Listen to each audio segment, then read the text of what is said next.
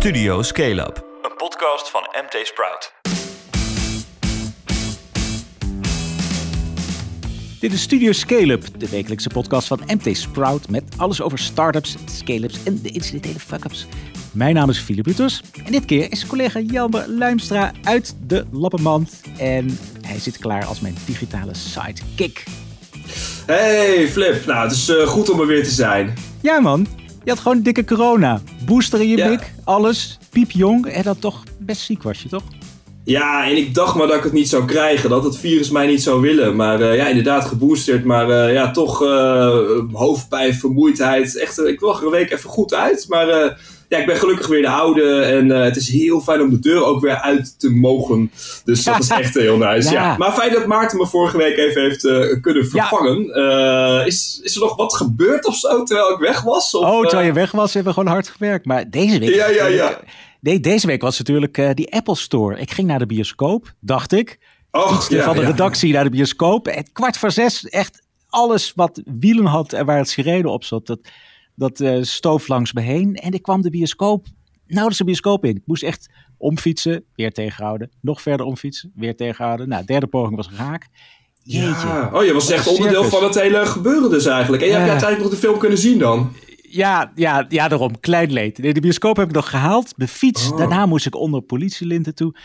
Maar ja, weet je, eigenlijk is het helemaal niet leuk. Want die, die dader, eh, die heeft het niet overleefd. Nee. Hoorde ik net. En eh, de slachtoffers, of de mensen die gegijzeld ja, die hebben levenslang volgens mij ook een trauma. Die, eh, Ja, en dat Oké. gewoon terwijl je een nieuwe telefoon wilde. Bedoel, ja, precies. ja. Een Apple. Mijn god, ik ben blij. Ik zou ook nooit naar de Apple Store gaan trouwens, om een, om een, om een iPhone te kopen. Maar Maar ik wilde binnenkort even heen eigenlijk eh, voor een nieuwe laptop. Dus eh, nou ja, goed. eh.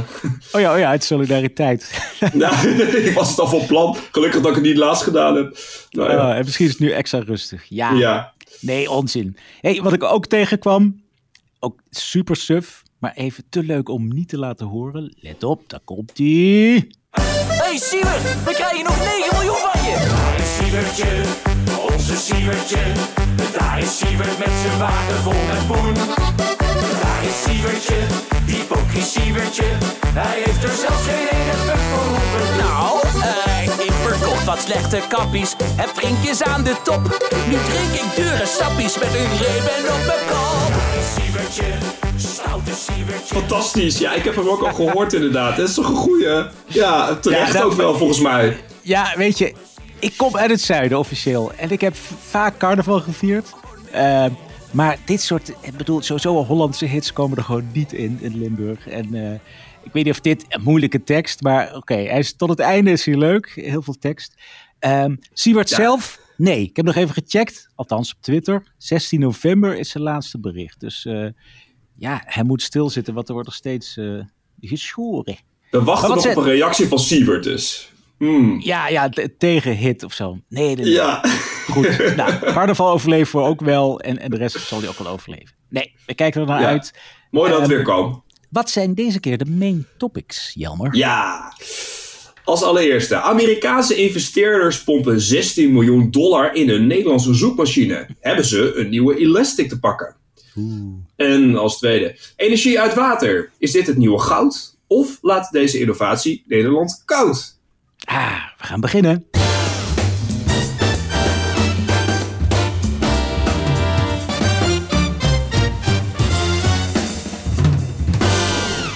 Maar eerst even het laatste nieuws over startups en scale-ups.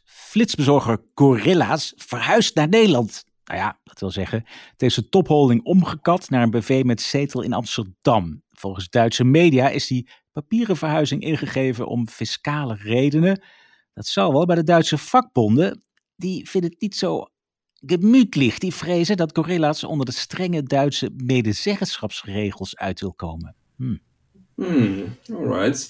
En dan Thijs Verheul. Hij mocht het zelf niet zeggen, maar nu weten we voor hoeveel hij United Wardrobe heeft verkocht. Net geen 12 miljoen euro tikte Vinted in 2020 af voor zijn tweedehands kledingplatform, waarvan 9 miljoen cash. Dat haalde quote uit de jaarcijfers van Vinted. Als United Wardrobe goed blijft draaien, maakt Vinted nog eens maximaal 4 miljoen over. Nou, is toch mooi? Ja, lekker. Weet je, ik had geen idee. Ja, ik bedoel, als ik iets van prijzen wist, dan was ik misschien ondernemer geworden. Maar ik dacht tientallen miljoenen. Maar Ja. dit is dus, eh, Ja, dat, wat dat betreft valt nog een beetje tegen, hè? weet je, het Ja. niet uit. Het is een goed succes. Ik dacht die hype, ja, die gekte en, en, en vindt het had natuurlijk diepe zakken. En blijkbaar, ja, dit zal het waard geweest zijn, weten wij veel. Maar goed, dus die earn-out, die komt er ook nog aan. Die was quote eigenlijk vergeten. so many difficult issues going on around the world, but uh, the former president Donald Trump's going to solve them all with a new social media platform called Truth. Truth. I mean, he's uh, he loves sticking it up his enemies, doesn't he? They will love that name. Ja, huge. Truth Social, het sociale netwerk-app van Donald Trump. Die is deze week gelanceerd door de App Store. Nou, dat werd natuurlijk meteen nummer één, maar het werd ook een zootje. Want eh, gebruikers die werden meteen in de, in de wachtrij gezet. Ze konden de toevloed niet aan. Nou ja, voordat je hem gaat checken, Truth Social, dat is de tegenhanger van Twitter, maar dan voor eh, Trumpies. Die, ehm, die is alleen nog maar in Amerika eh, beschikbaar voor iPhone en nog niet voor Android. Sad. Ja, is dat in de wachtrij zetten van een app ook eigenlijk niet zo gek? Ik bedoel, dat hebben we bij Picnic ook gehad, toch? Dat eh, als je daar... Oeh, wilde, ja, dan- ja. Ja, precies. Ja, maar dat was niet de techniek. Ik bedoel, dat was eh, die karretjes die, eh, die moesten rijden en, en, en de handjes die moesten worden aangenomen. Ja, de logistiek iets inderdaad. Dat is dan Ja. het verschil, ja. ja, Nou, ja. wat, en ook, ach, iedereen duikt erop om natuurlijk te zeggen wat, wat een zootje het is. Maar bijvoorbeeld Ja, Melania. Trump, die heeft een deal gesloten met Parler. Dat is juist de tegenhanger van, eh, van de netwerkapp van haar eigen man. Dat is toch ook gek? Hmm. Hmm, opmerkelijk. Nou ja, goed, meer Amerikaans nieuws dan. De Amerikaanse topvisie Sequoia, die opent een fonds met eh 500 à 600 miljoen dollar om in de wereld van cryptomunten, NFT's en blockchain te pompen.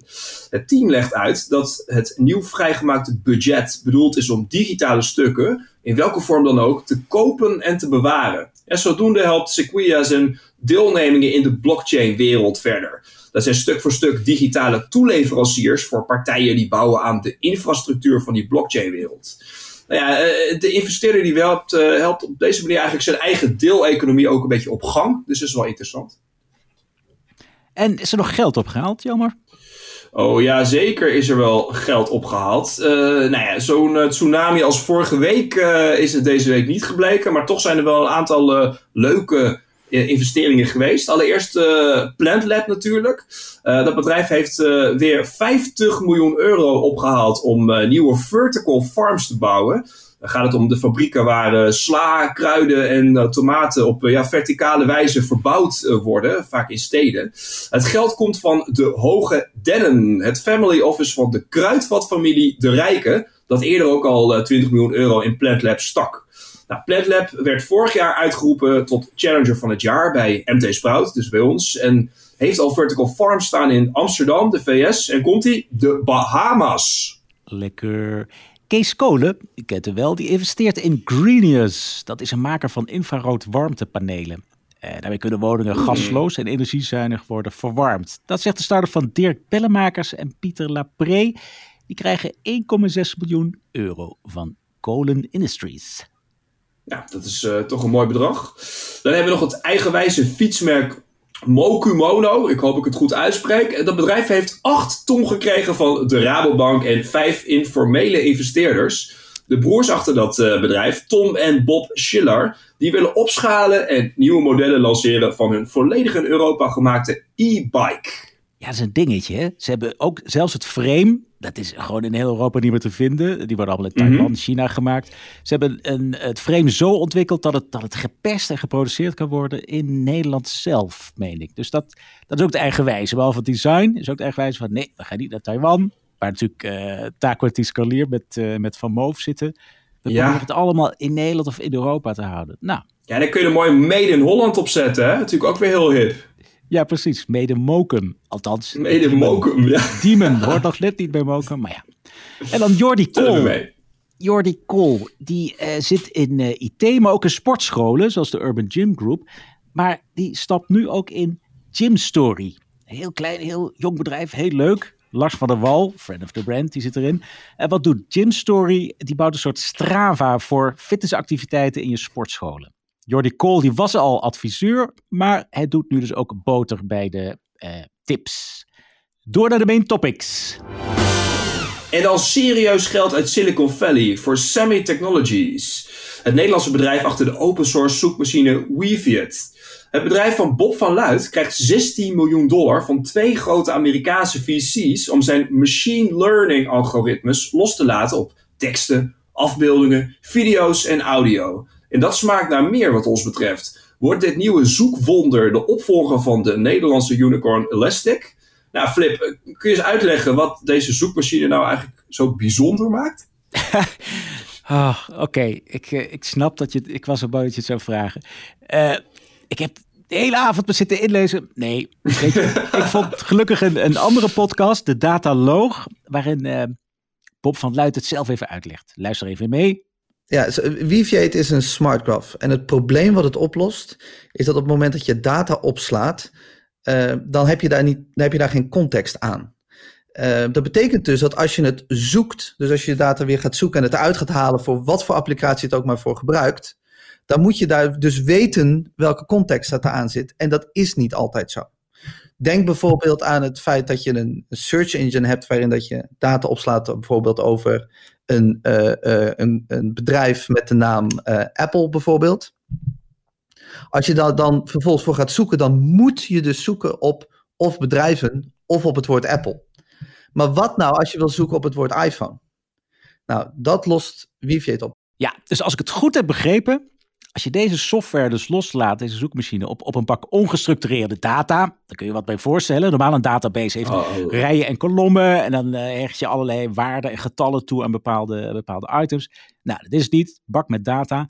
Als je die loslaat, dan kun je bijvoorbeeld eh, je productgegevens uit de webshop of alle transacties, als je een bank bent, daar laten zij dus die machine learning en AI op los en die nou, daarmee brengen ze al meteen een zekere structuur aan. Elke, elke, alle items uit die datum brengen ze, eh, daar verbinden ze vectoren aan. En dan krijg je als het ware een, een soort ruimtelijk verband ten opzichte van elkaar. Dat, dat principe, dat moet je wel even onthouden, dat is vector search. Oké. Dus vectoren toekennen aan database eh, items, zodat ze beter vindbaar zijn en ook ten opzichte van elkaar de relaties iets duidelijker worden.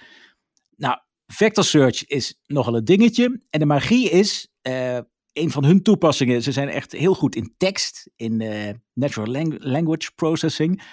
Een van de magie is dat je hoeft niet meer te zoeken op zoekwoorden. Dus als je een hele grote database Oh. hebt en je zou willen eh, zoeken op eh, Arnold Schwarzenegger, maar je weet toevallig niet meer dat hij zo heet. Dan zoek je Mhm. van, ehm, ja, die gouverneur in Californië, die acteur is. Nou, op een of andere manier Oh. popt dat eruit. Terwijl, ja, bij Google zal je toch echt heel letterlijk moeten zoeken. En Hmm. de snelheid is natuurlijk ook super. Ja. En dan maken we natuurlijk ook de vergelijking eh, met Elastic, hè, dat, eh, die Nederlandse unicorn. Ik kan me voorstellen dat het eh, nieuwsgierig maakt. Kun je Ja. eens even wat toelichten? Ja, precies. Elastic, dat is ook zijn bestaan ooit begonnen als Elasticsearch. Een van de medeoprichters was Steven Schuurman. Ja. Daarom noemen we het ook onze Nederlandse. Maar goed, er waren drie andere medeoprichters. Die waren helemaal geen Nederlanders. Maar het is wel in Nederland be- begonnen. Ja, zij waren toen de next-gen zoekmachine. Ook open source. Net zoals eh Semi-Technologies, net als Weaviate. Dat is, dat is hun product, Weaviate. Ook open source, ook Nederlands, ook next-gen. Heel snel. Vooral die snelheid onderscheiden toen Elastic. En eh Weaviate is dan een soort derde generatie vector search engine. En die voegt Mhm. slimheid toe. Dus als je hem loslaat op je data, dan gaat hij meteen eh, analyseren en structureren. En dat is iets wat Elastic, heb ik me laten uitleggen, die heeft vooral die snelheid en open source. En, eh, en zij hebben dus die, die intelligentie voegen zij aan toe. En ehm, dat maakt Ja, ja, ja. Weaviate als toch, er zijn er meer, maar het zou een goed alternatief zijn voor wat Google en andere big tech bedrijven op dit moment bouwen. Maar ja, dat is wel closed source. Ja. ja, en die Steven Schuurman, hè, we kennen hem eh, natuurlijk van Elastic, maar hij deed eerder ook al andere softwarebedrijven. Eh, dus het kwam niet helemaal uit het niets Ja, vallen natuurlijk. Eh, Bob van Luit. eh, Nee, hij was echt serial. Waar komt hij nou bij? Waar komt hij vandaan? eh, opeens? Ja, precies. Ja, ja niet, niet uit de lucht vallen. Maar het is toch opmerkelijk, want ja, dat zie ik toch niet zo vaak. Hij is 17 jaar freelancer geweest. Hij is een hele, hele slimme, ook, ook aardige jongen om zo te zien. Maarten, onze collega Maarten heeft hem gesproken. Ik zag ook dat hij, eh, dat hij jazz eh, heeft gestudeerd, ergens onderweg. Maar hij is gewoon, ja, vanaf 2000 freelance software. Echt, echt helemaal voor de inhoud, voor die softwareontwikkeling gaan. Voor mooie dingen maken. En de laatste tijd, eh, ergens rond 2017, werkte hij voor ING. kwam hij ergens bij Google, kwam hij echt op het idee van, hey, vector search, dat, dat zou het vectoren verbinden aan, aan database elementen. Dat wordt hem. Had hij dat idee, is hij mee aan de slag gegaan. Toen heeft ING hem op een gegeven moment gevraagd om in zijn incubator ING Labs, ING Labs te gaan zitten. Dat was rond 2017, 2018. En pas in 2019 is er een bedrijf Oh, ja. van gemaakt. Dus toen is er geld bij gegaan van ING, maar ook een VC. Eh, medeoprichters Mhm. zijn Etienne Dielokker en Misha Verhagen. Toen hebben ze er echt pas een bedrijf van gemaakt. Dus ja, eh, Ja, en, en ja, hij ja. is dan echt de productman. Hij is echt eh, heel slim. Hij kan het ook heel mooi uitleggen. Het is niet dus iemand die vanaf de schoolbanken zei van ik wil ondernemer worden. Nee, Nee, maar het heeft toch wel een redelijk lange aanlooptijd eh, gehad, begrijp ik. Eh, tegelijkertijd is het ook open source, hè? daar heb je het ook over. Eh, open source, dan denk ik altijd aan ja, iets wat gratis is, want dat is het in Ja. feite ook. Hoe verdien Ja. je daar nou eigenlijk geld aan? Ja, ja, vraag het maar aan Elastic of aan GitLab. Hè, dat, dat zijn ook Nederlandse unicorns geworden hiermee. Nee, wat Ja. je doet, ja, een, een deel geef je gratis weg. Zeg maar de ene laatste release stel ik me voor. Daar gaat de community mee aan de slag. Eh, die brengen dan verbetering. Dat is het open source eh, principe. Maar intussen ga je met diensten, met services, met de garantie dat het goed werkt, met, met extra add-ons. En de, de Mhm. alle, alle, allernieuwste versie ga je de enterprise markt in, meestal. En dat, dat zijn dan betaalde, betaalde diensten, betaalde producten. Maar wat heel belangrijk is bij open source, is dat als je goede spullen levert, dan krijg je dus een, een een community van fans. Nou heeft Ja. Weaviate heeft al 750.000 downloads. En dat zijn dus gebruikers, ja, als die het waarderen, het is een beetje, het werkt van, van onderaf. Dus als op de vloer de echte coders en developers, als die verliefd zijn op jouw open source software, dan gaan ze naar een basis en zeggen ze van, nou, dit moeten we echt bedrijfsbreed uitrollen. Neem maar een betaald abonnement. En het is al aardig aan het werken. Hij heeft banken, verzekeraars, techbedrijven, uitgevers, eh medische bedrijven, die werken al met Weaviate. En ehm, bijvoorbeeld ook Code Sandbox, dat ken je toch? Eh, Ja, zeker, Start ja. het jaar geweest. Heeft ook dat model van zo, geef het maar weg. Maar zodra de community ermee aan de slag gaat, dat zijn dan de opper nerds bij, bij de grootste bedrijven, die zeggen: kom, we worden klant. En dan eh, ja, benader je zo de markt. Hoef je niet eens veel reclame te maken. ja, dus dan veel van bedrijven haal je eigenlijk uiteindelijk het, eh, het geld haal je er vandaan. Ja, wat. Van Luit die zei zelf tegen Maarten van je gaat het bewijzen. Daarna is het tijd om naar die investeerders te gaan. Dus daarom heeft het een paar Ja. jaar geduurd. Te laten zien van nou, we weten nu hoe de markt werkt. En eh, de boodschap is nu dan, als je er hier een dollar in stopt, dan komen er daar tien uit. Dus, dus hij heeft eh, ik Ja, het begin ja, van het businessmodel heeft hij kunnen laten zien aan zijn nieuwe investeerders. Ja. En het heeft hij natuurlijk eh, 16 miljoen opgehaald. En dat komt dan uit de handen van Amerikaanse investeerders. We zien wel vaker dat Amerikaanse investeerders inderdaad grotere bedragen investeerden. Eh, ehm, ja, maar waarom is hij eigenlijk naar de Amerikanen toe gegaan? Is dat de reden? Of zijn er ook andere redenen te vinden waarom, eh, waarom hij echt specifiek heeft gekozen Ja. voor, eh, voor Amerika? groter en ook eerder. Want wat de investeerder van het eerste uur was het Zeta Ventures. Dat is ook een Amerikaanse clubje. En hij zegt zelf, het is een cliché. Maar ja, die Amerikanen die zeuren niet over omzet. Een Europese investeerder, zegt hij, die vraagt toch meer, laat je omzet eens zien. En in de VS is de vraag eerder, wat is je visie en hoe ga je er komen? Nou, zo heeft hij ze weten te overtuigen. Ja, ja, ja. En wat voor types eh, gaat het dan precies om eh, bij die Amerikanen? Ja, wij kennen ze niet eens zo goed. Eh, New Enterprise Associates, NEA en Cortical Ventures. En vooral dat NEA, Nee, Dat is echt de. Eminence Grise. Die bestaat al sinds 1977. Eh, ja, dat is nog een, oude club. En het, het aardige is, ze zijn niet, niet, ze treden niet heel erg op de voorgrond. Die, die CEO daar, die hoofdpaar, die, die kennen we ook helemaal niet. Het, ja, het zijn niet van die, van die testosteron, celebrity-achtige VC's. Maar ja, ze hebben wel 26 wel eens miljard lekker. dollar in beheer. Ja, en wat Oh. ik heel, wat ik eigenlijk heel gaaf van het verhaal vond ik, wat eh, Bob vertelde over hoe die daar eh, wordt ontvangen in New York door die, door die VC. Mhm. Nou, dan kwam ik naar New York eh, eh, om te laten, zien, eh, te laten zien wat ze voor hem konden betekenen. Hij had nog niet getekend waarschijnlijk. En hij zegt, je wordt direct gekoppeld aan meerdere analisten, aan talent experts en aan business developers. En hij zegt, het is gewoon Ja, een ja, ja. candy store. Eh, dus hij liet daar vallen van... ehm, ehm, ja, ik zou wel eens willen weten hoe het nou zit met de psychologie en de motivatie van open source gebruikers. Dag later werd hij wakker, kreeg hij een e-mail van een NEA-analyst, een paar wetenschappelijke artikelen, inclusief de samenvatting. Dus je wordt echt in de watten gelegd. Zo moet het. Zo, wat handig Ja. zeg. Ja, dat Ja. is wel eigenlijk een beetje wat je, wat je droomt, toch? Als je naar een investeerder gaat. Dat je ook echt geholpen wordt met Ja, kennis. ze- dat is waar je heel vaak mensen over hoort. Ja, Ja. ja. ze ook heel Hey, ja, schat ook, eh, want dit is misschien ook interessant. Ja, jij schat, begrijp ik, dat we over een paar jaar ook gewoon een nieuwe unicorn bij hebben, hè? ja, nou ja, weet je. Dus, eh, ja. Nou, Het is de derde golf in database technologie. Eh, vector search, dat, dat is ook wel echt een hype hoor. Dus eh, aanbieders springen als paddenstoel uit de grond.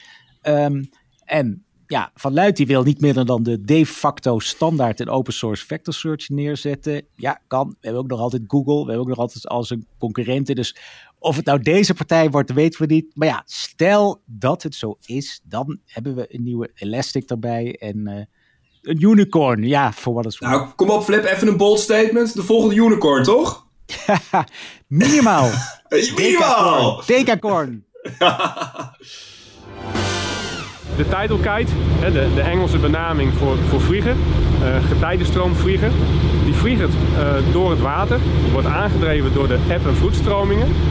Die vlieger die trekt daardoor heel hard aan een kabel en die trekkracht zetten we vervolgens om in elektriciteit. Het voordeel van de tidal is dat het de, de productie van elektriciteit veel beter voorspelbaar is dan zon of wind.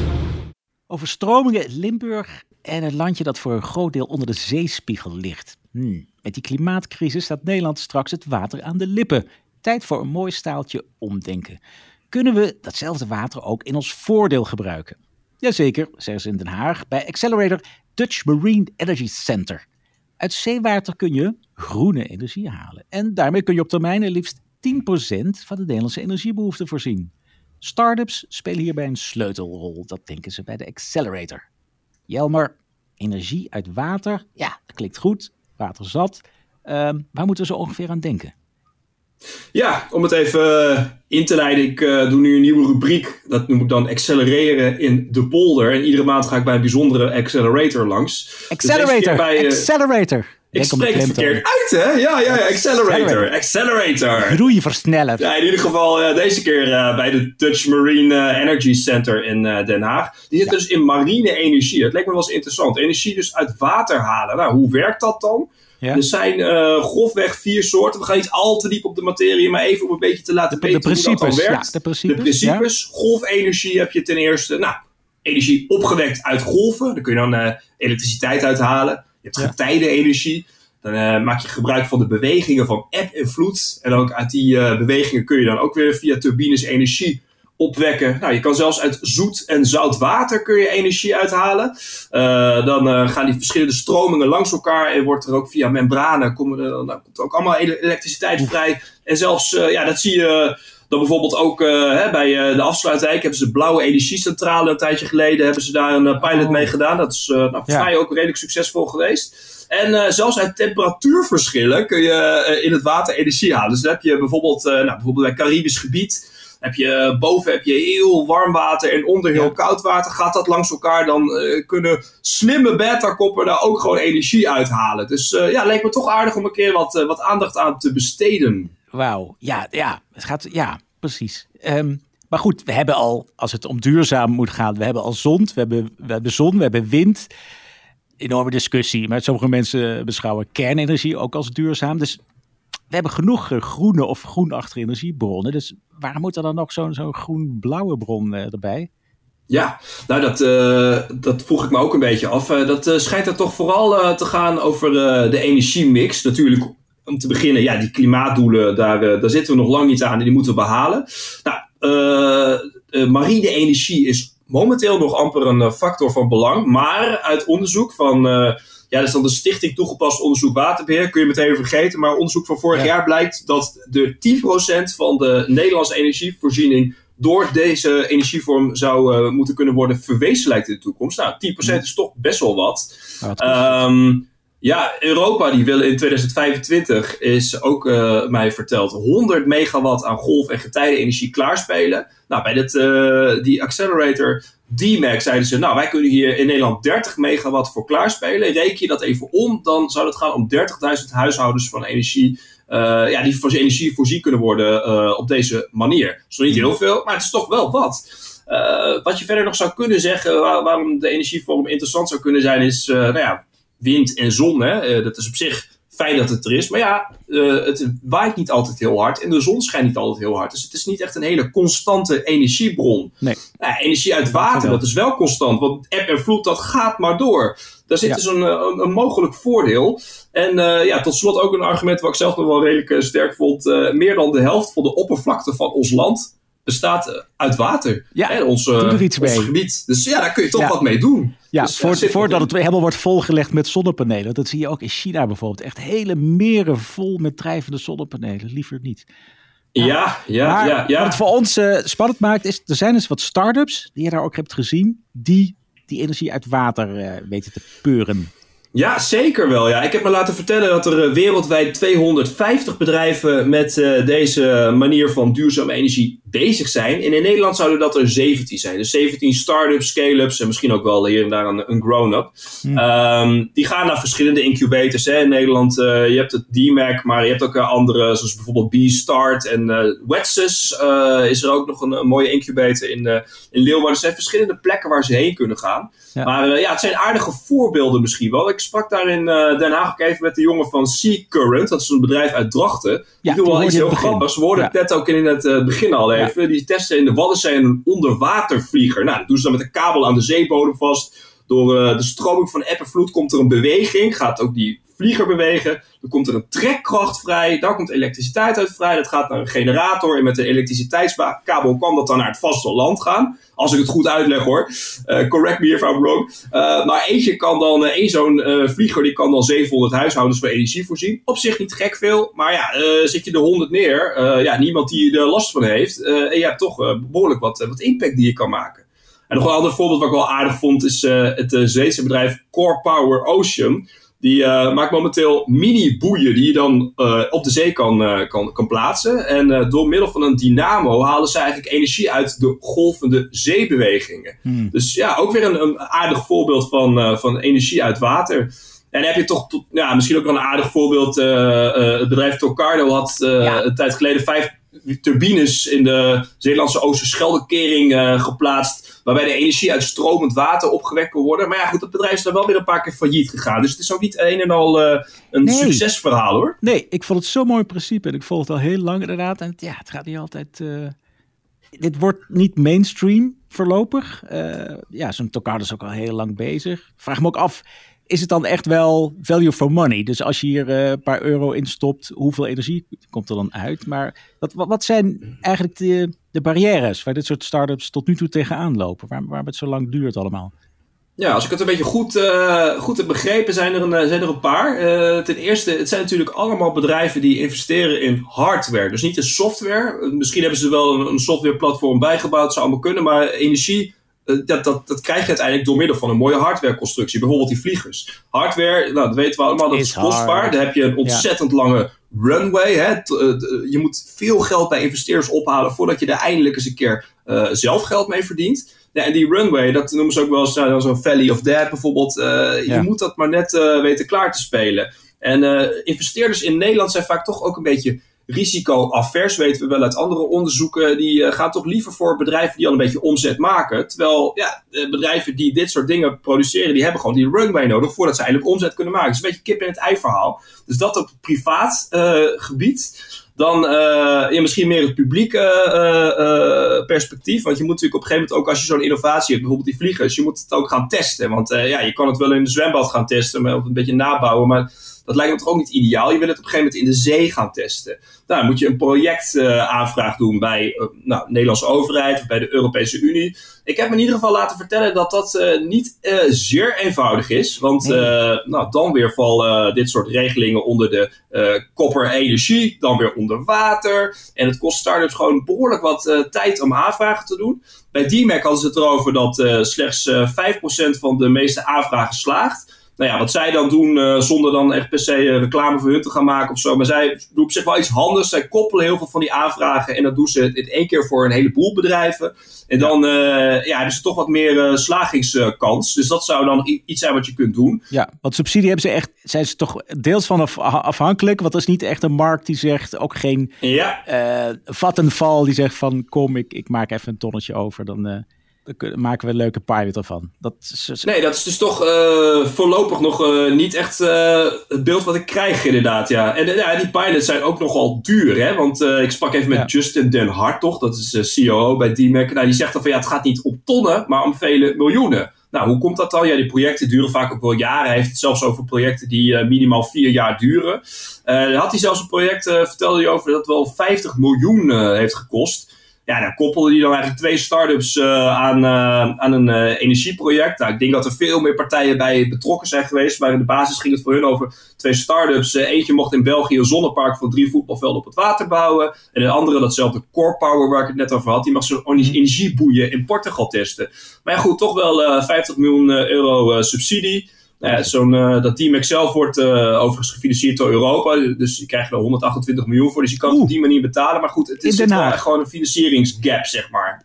pot van 128 miljoen in. Ja, Den Haag. nou ja, aan de kust in, in de kust in Den Haag. Ja, ja, ja. Ja, aan de kust in Den Haag. Dus eh, daar zitten ze. Ja. Ja, hoe dat dan precies kan. Ja, wat je nog zou kunnen bedenken is dat zon en wind, daar zijn we natuurlijk al vele decennia mee bezig hè, in Nederland. En dat water, de marine energie, daar, ja, daar zijn ze toch wat korter mee bezig. Dus misschien is het Ja. ook nog wat meer, eh, eh, staat het in de kinderschoenen. Dat zou ook kunnen. Ja, dus het komt op gang. Maar inderdaad, zo lang het duurt, die, die, die, eh, die Blue Energy centrale in Afsluitdijk, echt een prachtig ding. Maar dat is natuurlijk voor mij ook al meer dan tien jaar. Ook in Dus, 2014, eh, 15 of zo, toch? Ja. ja. ja, ja. Iedere keer weer een next fase en, en, en een grotere omvang. Maar ja, het zijn nog niet de honderdduizenden huishoudens die daarmee voorziet, zoals zon en wind dat wel doen. Nou ja, ondertussen, we hebben volgens mij Ja. minder huishoudens dan, eh, dan eh, internetcentrales in Nederland. Maar eh, Den Haag, ja, de, de subsidie is dus best belangrijk. Helaas zou ik bijna zeggen. Maar Den Haag zelf, dus eh, het, ons regeringscentrum, ziet hij het ook een beetje zitten met, met die marine energy?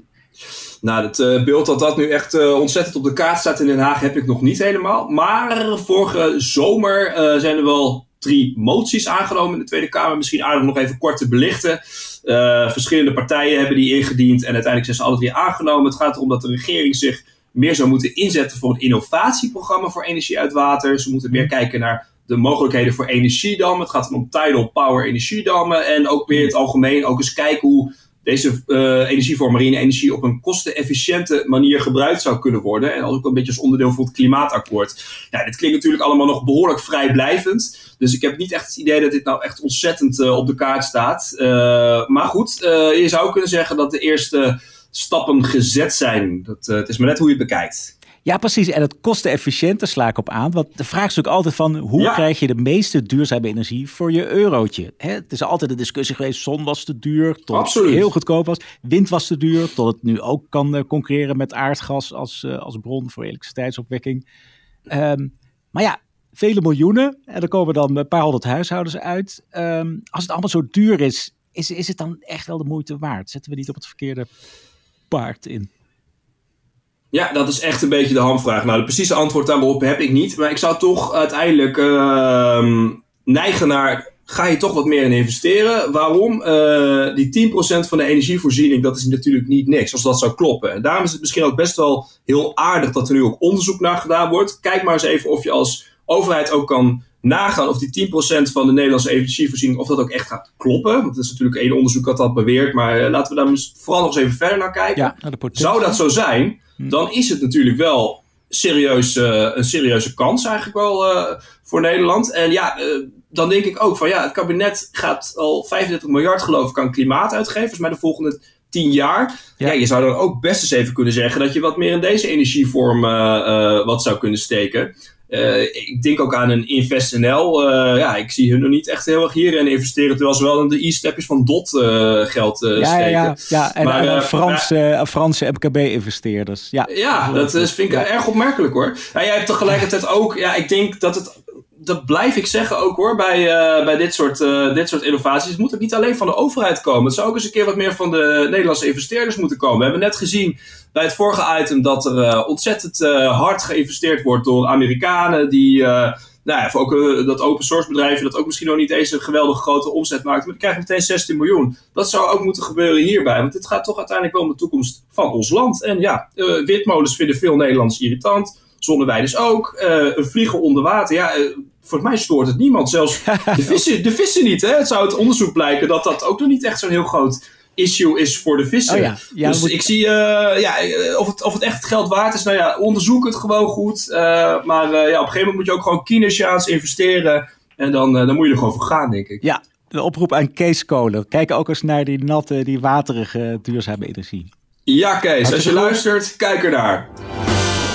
Dit was Studio Scale-up aflevering 44. Vergeet je niet te abonneren op Spotify of je favoriete podcast-app. Deel de podcast ook vooral met je vrienden en kom met feedback of vragen, suggesties. philip.mtsprout.nl Jelber, fijn dat je er weer was. Dankjewel. Famous last words. Ja, nou ja, ik zat nog even te denken. Ja, morgen gaat alles weer open. En ik eh, heb met mijn, eh, ja. mijn bandje morgen voor het eerst weer een optreden in twee jaar. Dus ik ben echt super blij dat dat soort eh, dingen weer kunnen. Oh, dus ik kijk eruit. Ga. Ja. En, je, en je bent volledig eh, genezen en, en eh, besmet geweest, dus je hoeft je nergens... eh, is er nog een bandlid dat, dat nog niet corona heeft gehad? Nee, we hebben het allemaal gehad. Dus dat komt heel goed uit. Ja, Nou oké, succes met je kind. dankjewel.